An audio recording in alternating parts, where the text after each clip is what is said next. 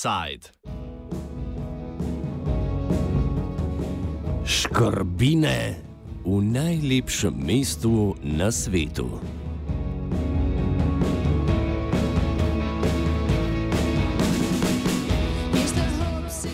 Gospodarska kriza se je po besedah vlade že pred časom poslovila od nas.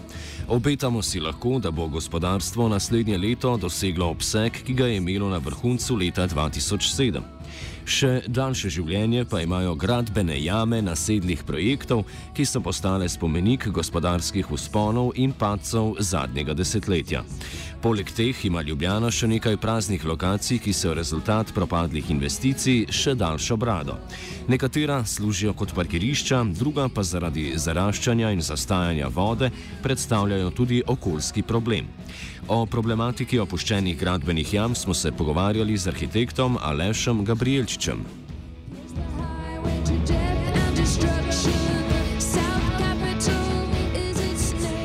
Opuščenih gradbenih jam najdemo v Ljubljani kar nekaj. Katere se mu zdijo najbolj problematične za podobo mesta, pojasnjuje Gabrielčič. Gotov bi izpostavil lukne, ki sta za mesto, vsaj centralni del izjemnega problema, sta lukni Nuka 2, se pravi nove no, narodno univerzitetne knjižnice ne, in pa šumi.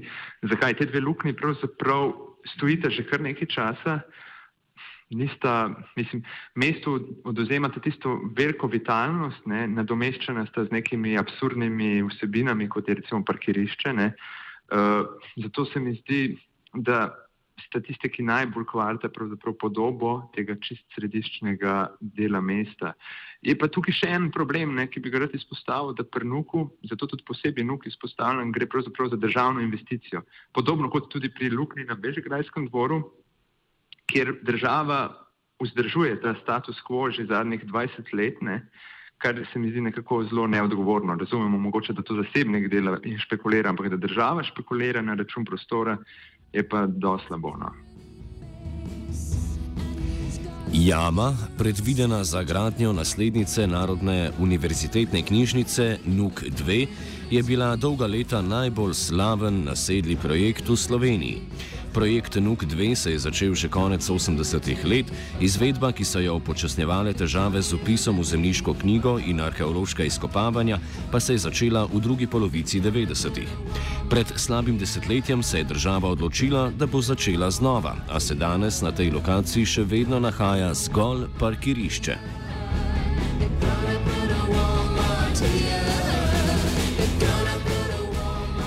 Predvsej dolgo brado ima tudi zgodba Kolizeja. Slovenski podjetnik Jože Anderlič je parcelo z bivšo avstrijsko vojašnico kupil že leta 2003. Temu je sledil večletni boj s stroko za pridobitev dovoljenja za rušitev objekta.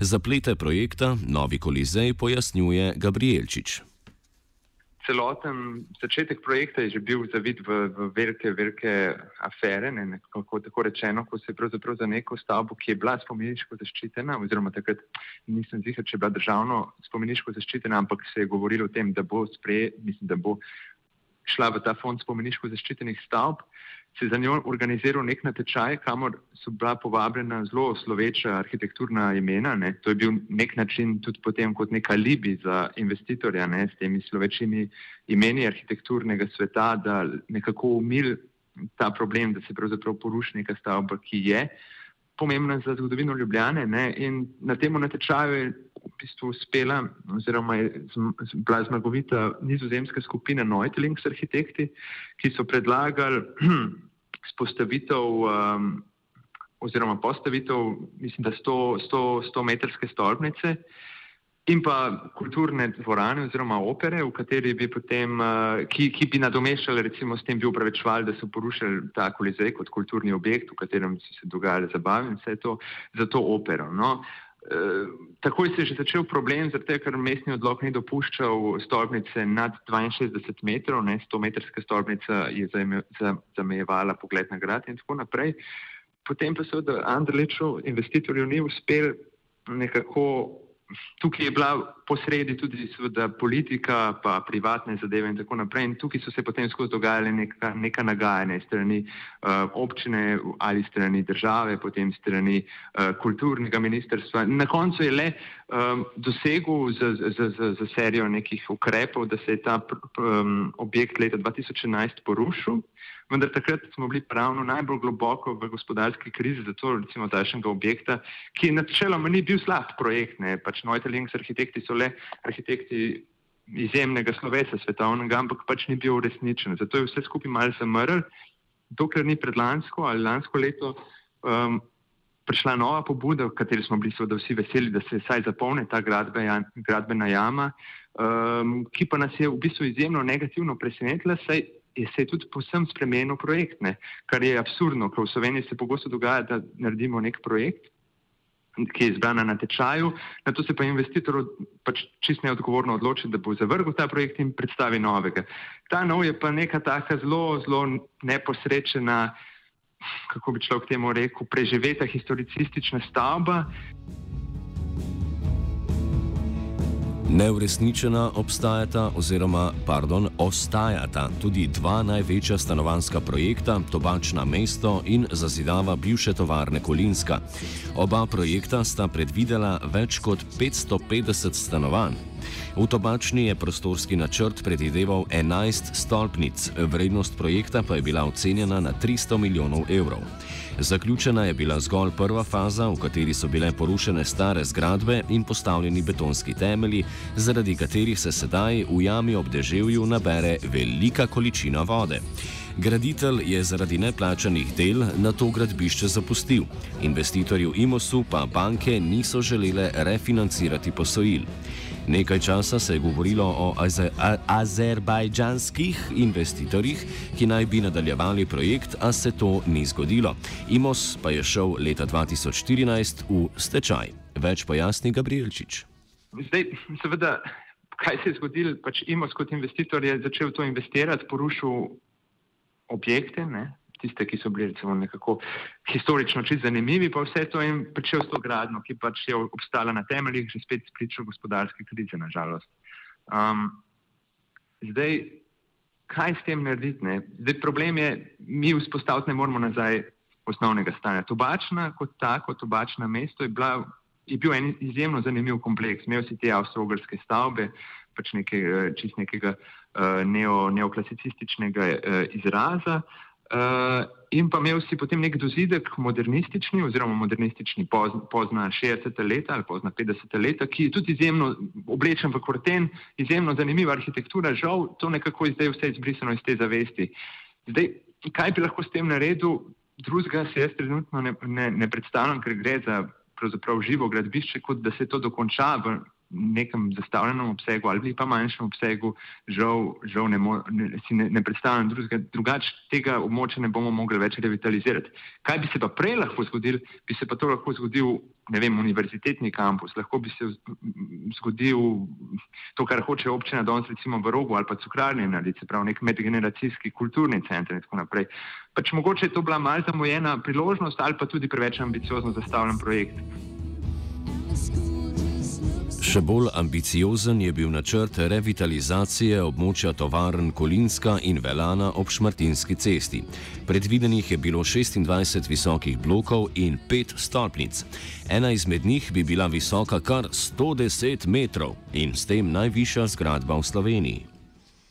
Ljubljana ima namreč dve središči. Ne? Eno je središče, ki je vedno bolj nam ljubljančem tuje, ne? to je pač center mesta, ki je vedno bolj turističen, ko se po njemu sprehajaš, redko še slišiš um, kakšen domači jezik, ne? kar načeloma ni slabo, je pa slabo zaradi tega, ker pač enostavno se pač funkcije in pa programe v njemu banalizirajo. In pa imamo drugo središče, kamor pa zahajajo slovenci v vedno večjem številu in to je BTC. Ne? In zdaj te dve središči sta med sabo popolnoma nepovezani in ne sodelujete drugo z drugom, odžemate druga drugi audienco oziroma ljudi, občinstvo in pač občina je želela ta problem rešiti s povezavo teh dveh središč in to je pač del tega partnerstva Šmartinska, ki bi se zažrl sicer čez, uh, čez, čez, čez območje Kolinske, ampak žal gre to za neko serijo neuporabnih, kako bi temu rekel, industrijskih objektov, razen izjemo čisto začetka Kolinske, ne, ki je pač neka avstrogrska historicistična arhitektura. Ne, eh, ampak tisto nekako so oni mislili revitalizirati in vse skupaj, ampak žal ta projekt je bil po mojem že spet preveč ambiciozno zastavljen in pa tudi zamrl. Vse, kar je ostalo tega projekta, je samo kristalna palača v BTC-ju, pa zdaj letale IKEA, a bojo oni financirali nek košček enega parka ali ne in to je pač v bistvu od par deset tisoče kvadratnih kilometrov ostalo na koncu samo še pljunek v morje. No. Poleg omenjenih jam lahko omenimo še gradbeno jamo projekta Kondomini Tivoli v spodnji Šiški na območju bivše tovarne Slovenija Vino ob Frankopanski ulici, nedokončani del celovških dvorov neposredno ob celovški cesti, parkirišče na lokaciji bivšega Šumija in jamo na Bežigrajskem dvoru v bližini starega in prav tako propadajočega nogometnega stadiona, na mestu katere država načrtuje novo sodno palačo. Med bolj problematičnimi jamami je bila tista v spodnji Šiški. Zaradi udrtja dela bližnje ceste, ki je poškodoval tudi komunalno napeljavo, so gradbinci utrdili stene okoli celotnega oboda jame, na to pa so zabetonirali tudi dno, tako da se je jama ob vsakem deževju spremenila v ogromen bazen, ki je gojišče mrčesa. Probleme povzroča tudi državna parcela za Bežigradom na tem območju, kjer ima država rezerviran svoj prostor za nove sodne palače, to je Bežigrajski dvor, gre za nekih 14 tisoč kvadratnih kilometrov, so ravno kar vse ščistili, zato ker so se sosedje tako pritožvali, da imajo noro invazijo podgan. Škrbine v mestnem prostoru razbijajo življenje mesta in so urbanistično izjemno nezaželene. A v Ljubljani so nekateri v tem našli tudi poslovno priložnost.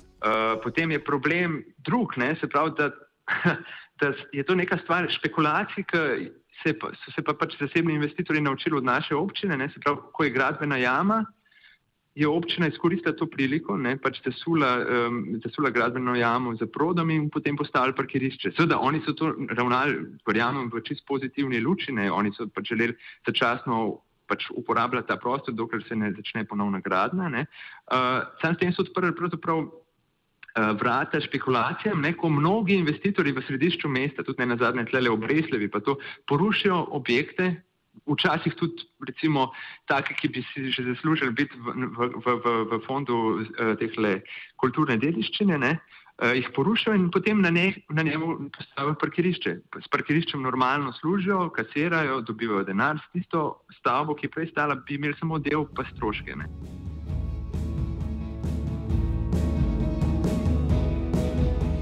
Možnosti mestne občine pri reševanju problematike gradbenih jam so precej omejene, še posebno pri zasebnih investicijah.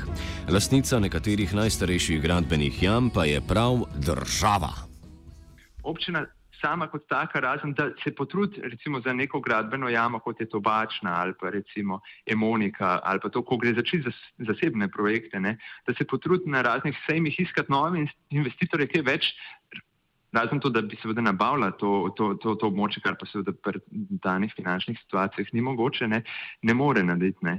Zdaj, občina, mislim, bolj kot občina na tem področju je pristojna država, ne, ker država bi mogla spremeniti gradbeno zakonodajo na, na način, da se take v bistvu špekulacije ali pa mahinacije ne bi dogajale. Ne. Se pravi, ko ti presežeš neko obdobje odprtega gradbišča, to je recimo pet let ali kaj takšnega, potem se to, ne vem, ne bi rad špekuliral, kakšna bi bila rešitev, ampak pač enostavno, dokler se bo dovoljevalo, da je odprto gradbišče, pa do nedogled, do takrat bo pač take. Mm, Take zgodbe se še naprej odvijale, ampak spet bi rad povdaril, da se ni nič čuden, da se sama država špekulira na ta način. Ma, že spet Bežigrajski dvor 14 tisoč kvadratnih metrov, že od leta vem, 1995 je tam gradbena jama, v kar so porušili vojašnico Ljubo Šercer, ne, pa se ni nič zgodilo. Urbanistična politika, ki jo usmerja podžupan Janez Kožel, teži k temu, da se osrednji del mesta zgoščuje. Ta politika narekuje tudi prezidavo starih industrijskih objektov in njihovo revitalizacijo na način, ki bi Ljubljano v širšem centru povezal urbani kontinuum.